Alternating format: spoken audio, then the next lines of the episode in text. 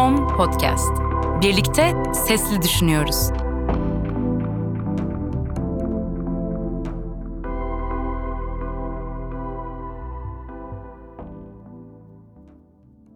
Yakın gelecek. İş yatırımın destekleriyle.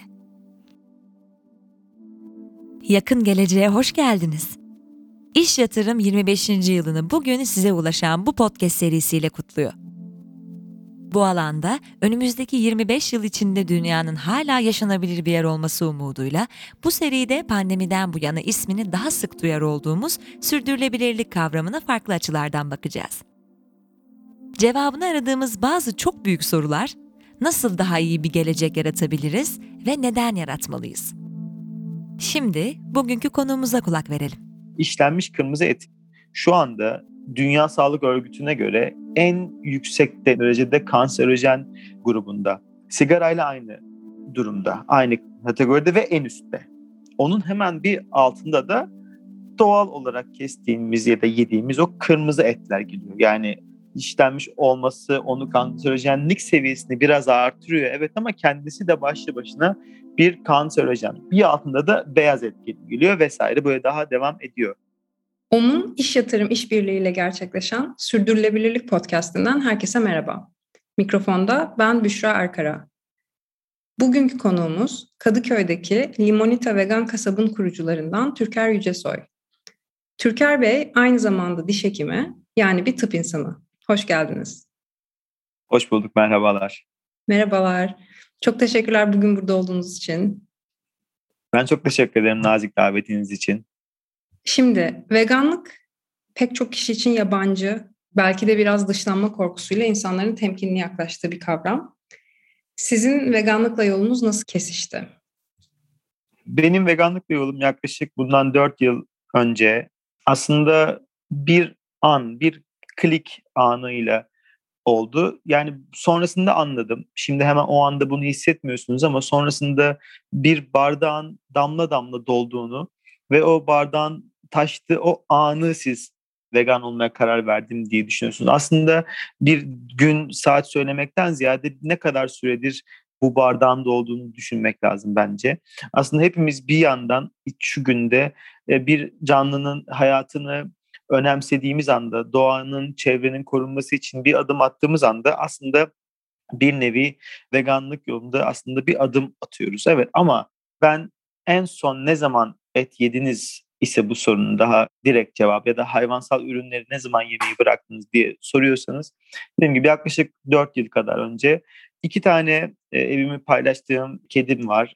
Onların beslenmeleri sırasında kendime işte güzel bir et pişirirken onların yemeleri için bu kadar çabalarken o tavadaki etin de aslında bir canlının çocuğu olduğu ya da canlının ta kendisi olduğu ve onun da bir beden parçası olduğunu, bir ölmüş bir canlının bedeninin parçasının olduğunu fark ettiğim bir an. Bu klik anını hatırlıyorum. O dönemde bunun mantıksızlığını, bunun kendim için söylüyorum iki yüzlülüğünü yüzüme vurduktan sonra çok yemekten aşırı derecede keyif aldığım hayvansal ürünleri bir daha ağzıma sürmeme kararı aldım açıkçası. Evet aslında o klik anı olmasın diye pek çok faktör var etin hani endüstriyel üretiminde, pazarlanmasında, işte süt reklamlarındaki mutlu inekler de bunun bir kısmı ya da ben birkaç sene önce şeyi öğrendiğimde çok şaşırmıştım işte süpermarketteki etlerin belli bir kimyasalla aslında enjekte edilmeseler aldığınız noktada griye dönüşmüş olacağını. Yani siz onu bir pembe olarak görüyorsunuz falan. O yüzden çok iyi anlıyorum. Yani böyle ilginç bir bağlantı kopukluğu var yediğimiz şeyle onun aslında canlı olduğu arasında. Kesinlikle. Bunu hazlarımızın peşinde koştuğumuz için çoğu zaman hepimiz başka şeylerin değerini o anda göremiyoruz. Hele de geleneksel belki binlerce yıldır, on binlerce yıldır süre gelmiş bir alışkanlığın değişmesi hele de bunun tam karşısında bir endüstri varsa inanın hiç kolay değil. Şu anda veganlığın savaştığı şey aslında bu geleneksel oturmuş ezberler ve de koskoca bir endüstri. Aslında doğal olarak ikinci soruma ulaşmış olduk.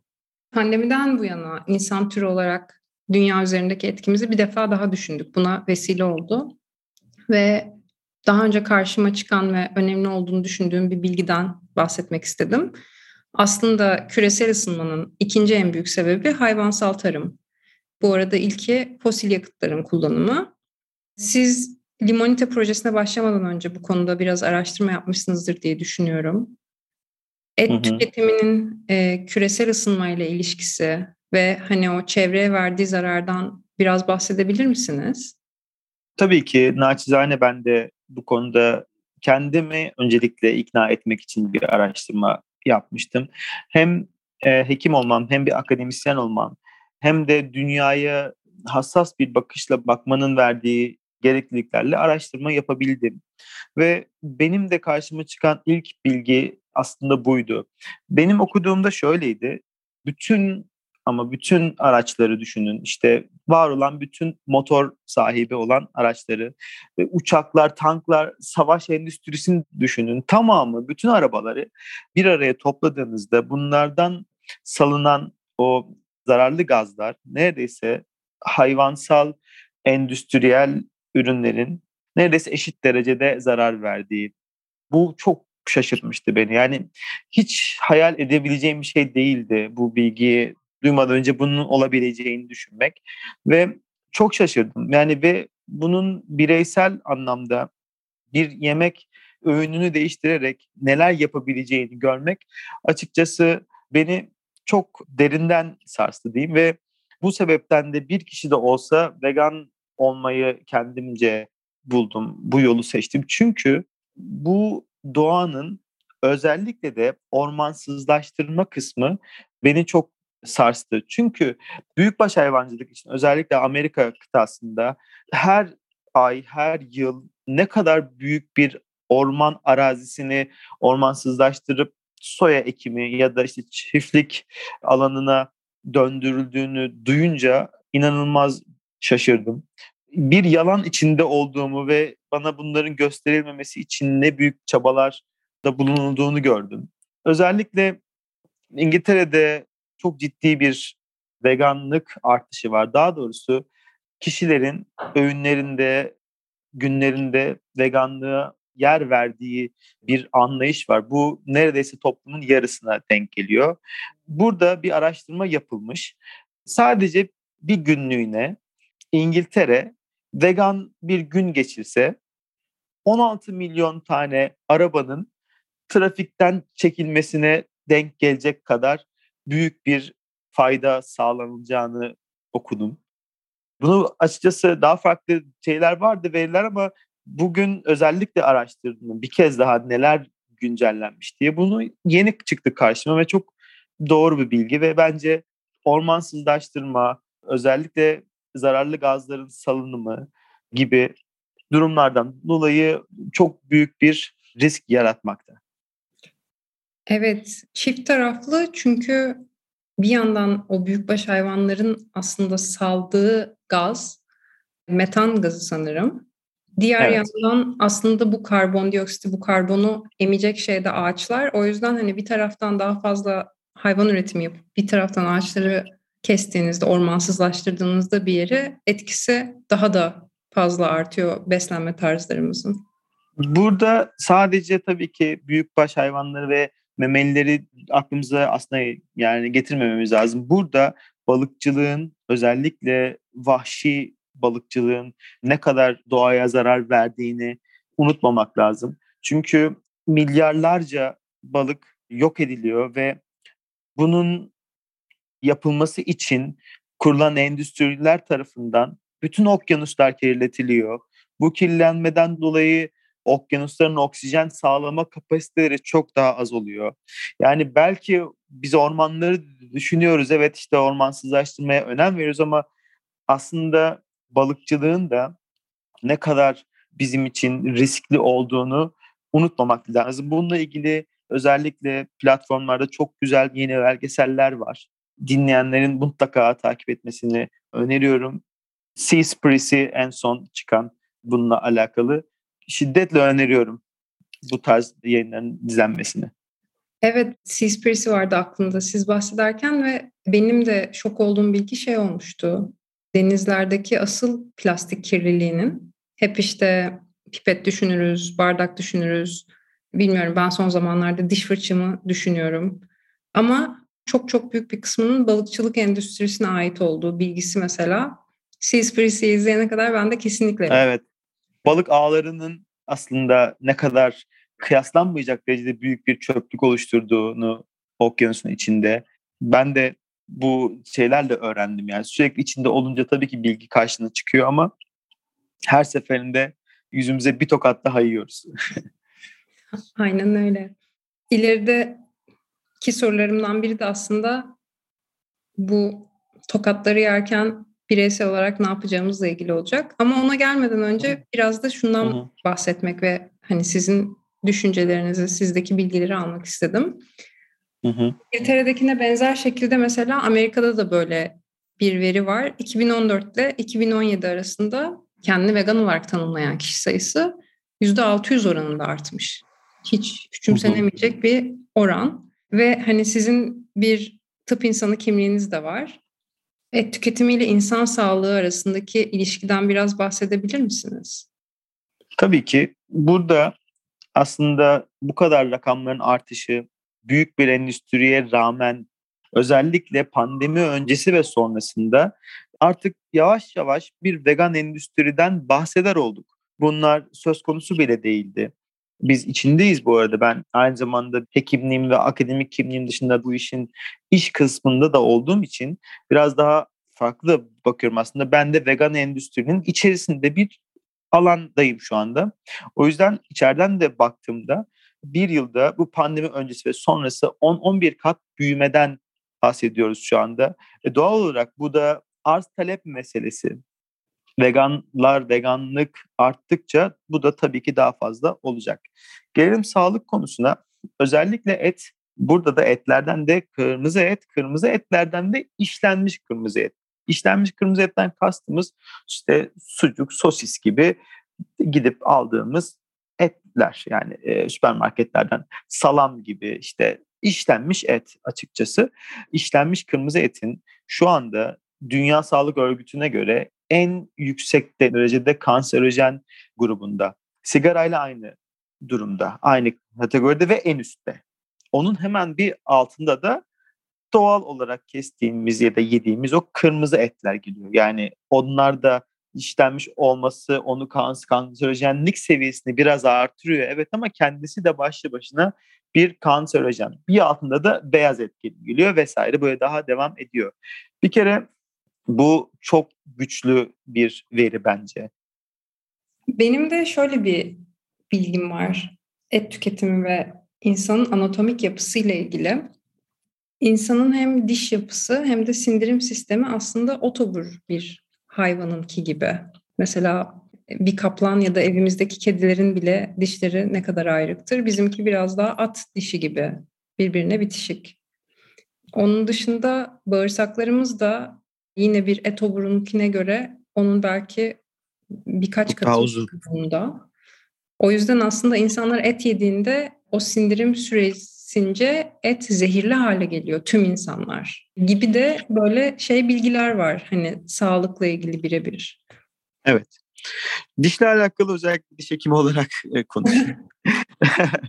Burada şöyle aslında dişlerin e, sıklığı ve hani aralıklı olmasından ziyade daha çok parçalayıcı ve öğütücü dişlerimizin varlığı aslında burada etoburlarınkine çok yakın. Mesela etoburlarda öğütücü diş neredeyse yok. Molar diş dediğimiz bir diş bu. Ama insanda oldukça fazla.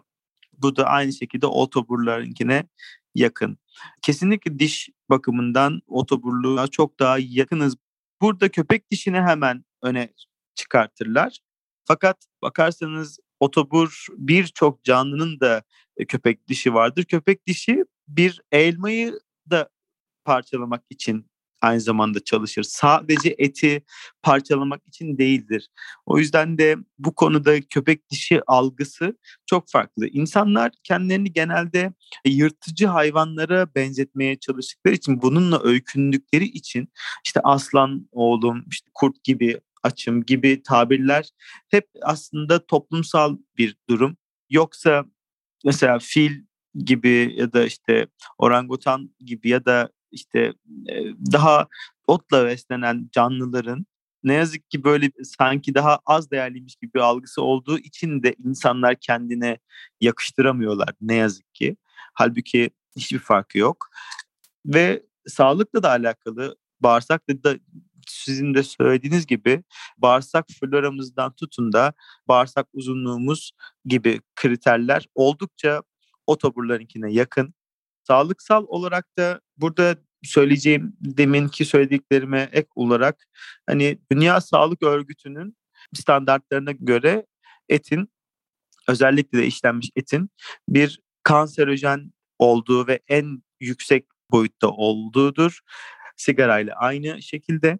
Nasıl bundan 50 yıl önce hamilelere özel spesifik böyle çıkarılmış sigaralar var ve bunların reklamları yapılıyorsa ve şu anda ne kadar bize garip geliyorsa bundan bir 30 yıl kadar son, sonra da bu etin de pazarlanmasının önüne geçileceğini ben tahmin ediyorum.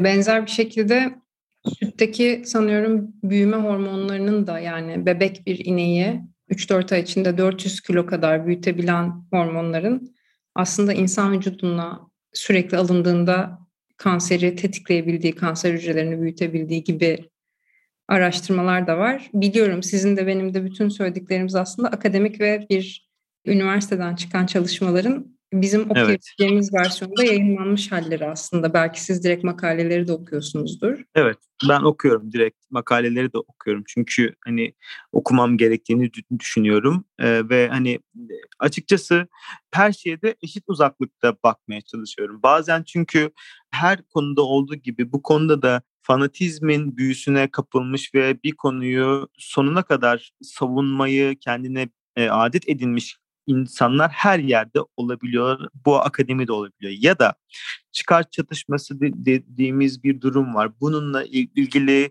kurallara önemsemeden çalışmalar da yapılabiliyor.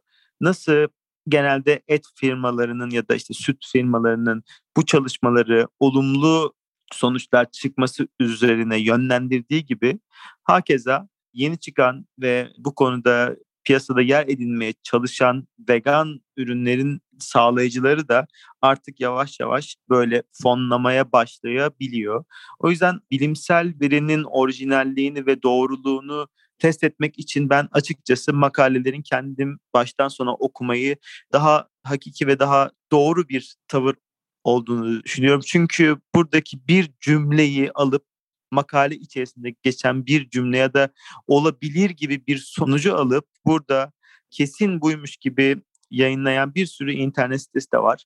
Olumlu ya da olumsuz yönden bir objektif taraftan bakmaya çalıştığımızda böyle bir sorun da karşımıza çıkıyor açıkçası.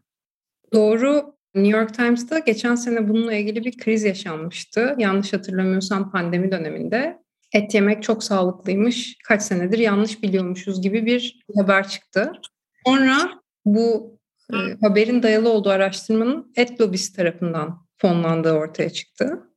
Evet. E, tabii ki haber indirildi. Üzerine işte biz hata yaptık diye e, yeni bir haber yapıldı gibi gibi. O yüzden söylediğiniz şey mantıklı. Evet. Şimdi limonita özelinde benim çok cesur bulduğum bir hareketiniz var. O da şu. Evet. E, bakkal demiyorsunuz, dükkan demiyorsunuz, kasap diyorsunuz. Ve evet. Kasap da şarküteri gibi çok net bir tınlaması olan bir söz. E, evet. Eminim bu karar kaza eseri değil. E, bu kararın arkasındaki niyet neydi?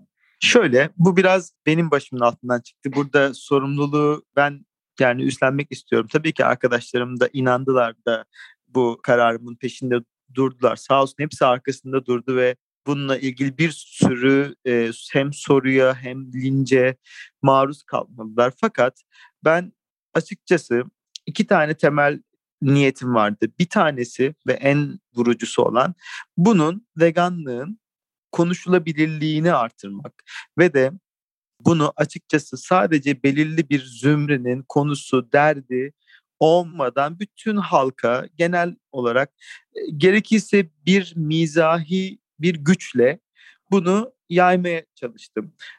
Ve açıkçası bu kadar hızlı bir reaksiyon alacağıma ben dahi inanmıyordum ama açıldığımız günden itibaren bizi hiç bu konuda tek başımıza bırakmadılar. Ciddi bir mizah ekibi var. Özellikle sosyal ve sosyal medya üzerinde çalışıyorlar bunlar ve bizim dışımızda gelişti bu olaylar. İnsanların ailelerin WhatsApp gruplarındaki o komikli fotoğraflardan birisi oldu. Vegan kasap açıldı haberi. Bundan sonra açıkçası ben ta ülke, ülkemizin en ücra köşelerinde bile haberlerde bile özellikle de daha geniş kesime bir şekilde ulaşabilecek haberlerde bile çıkması amacım hayalim buydu ve bu bunu sağlayabildik. İkincisi de dil yaşayan bir şeydir. Dilin asla sınırlandıramazsınız. Kelimelerin sınırı yoktur anlamlarının. Biz bugün mercimek köftesi diyebiliyorsak ve burada aklımıza sadece mercimekten yapılmış bir form geliyorsa kimsenin köfte dediğinde o kısımda aklına et gelmiyorsa kasap dendiğinde de acaba et kasabı mı yoksa bitkisel kasap mı gibi bir kavram açıkçası katmaktı. Kasaplık kelimesini sadece hayvanları öldüren, yok eden canlılar olmaktan biraz daha bitkisel kasap olabileceğinin de kafada bir ampul yakmaktı. Ve açıkçası hepsi oldu. Çok da kısa bir zamanda oldu. Amacına ulaştığını düşünüyorum. E, tabii içeride de et ikamelerinin ağırlıklı olarak satıldığı bir yer olduğu için de neden kasap olmasındı. Ve kasap oldu. Çok da güzel oldu bence. bence de ve gerçekten de kısa zamanda çok duyuldu. Bir de restoran kısmı var. O taraf evet. gidiyor? Sezar salatanızın metni çok fazla birden fazla kişiden. Evet. Ve aslında şeyi de merak ediyorum. Modada şimdi çok yoğun bir hani vegan restoran, vegan bakkal, vegan evet. e, bunun kıtlığının yaşanmadığı bir mahalle. Ama mesela evet. bu şeyin içinde sizin sizce misafirlerinizin yüzde kaçı vegan? Merak ettiğim bir konu. Şöyle söyleyeyim. Yarısından fazlası vegan değil. Öncelikle bunu söylemek istiyorum.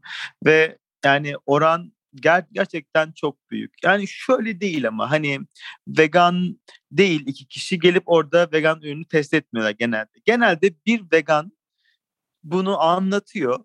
Çevresinde 3-4 kişi ya da bir en az bir kişiyle bizimle bizim kafeye özellikle ve restorana geliyor ve orada o arkadaşına bir tecrübe yaşatıyor. Hakikaten o insan oraya geldiğinde sadece yemek yemiyor. Gerçekten bunu tecrübe diye e, tanımlamak istiyorum.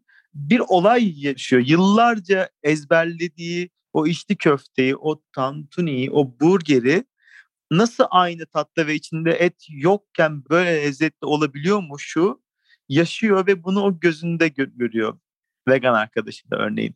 Bu açıkçası bizim de kenardan böyle izlemekten çok keyif aldığımız bir durum. Özellikle o modada e, ciddi bir vegan talep ve veganlık artışı var ve bu da tabii ki yansıyor.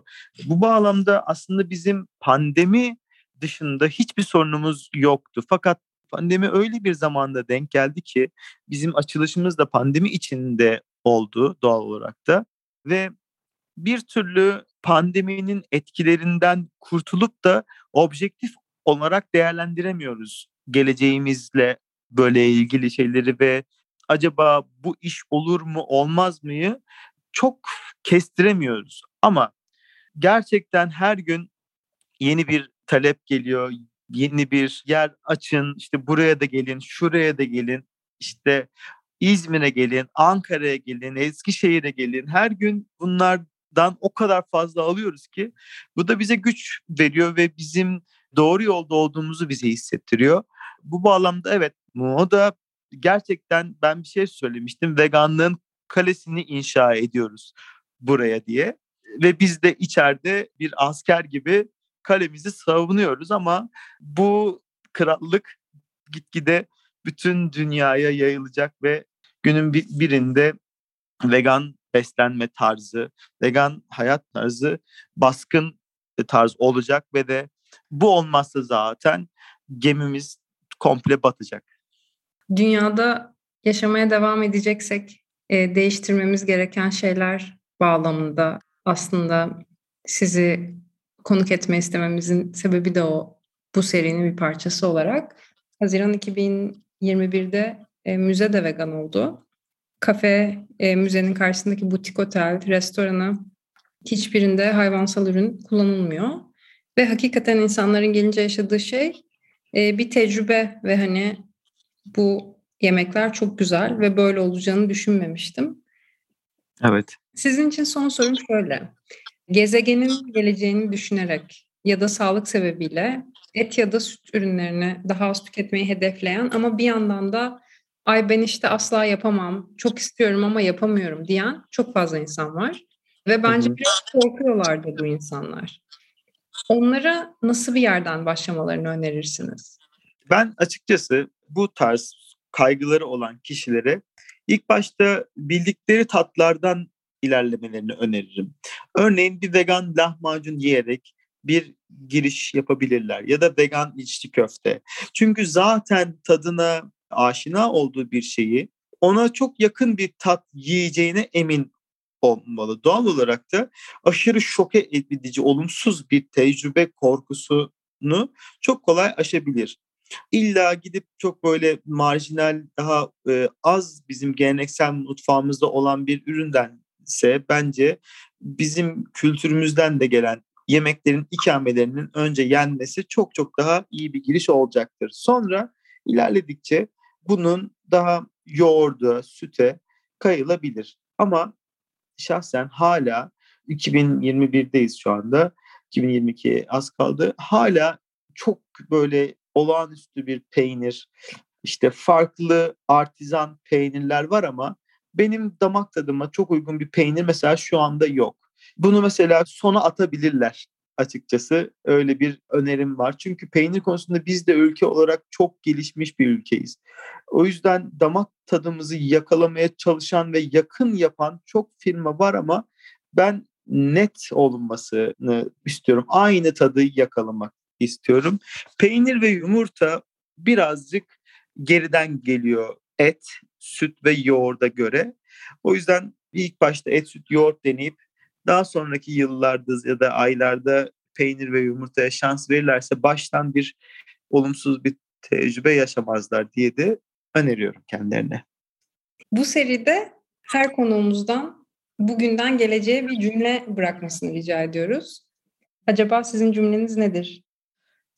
Ben açıkçası bu konuda çok beylik laflar edilmesinden yana değilim. O sebepten e, yaşanılabilir bir gelecek için veganlığa şans ver demek istiyorum. Bir şans verildiğinde doğru yolu bulunacağına o kadar eminim ki o sebepten şans verilmesi için layık bir felsefe olduğunu düşünüyorum veganlığın.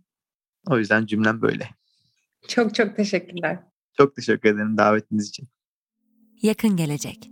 İş yatırımın destekleriyle.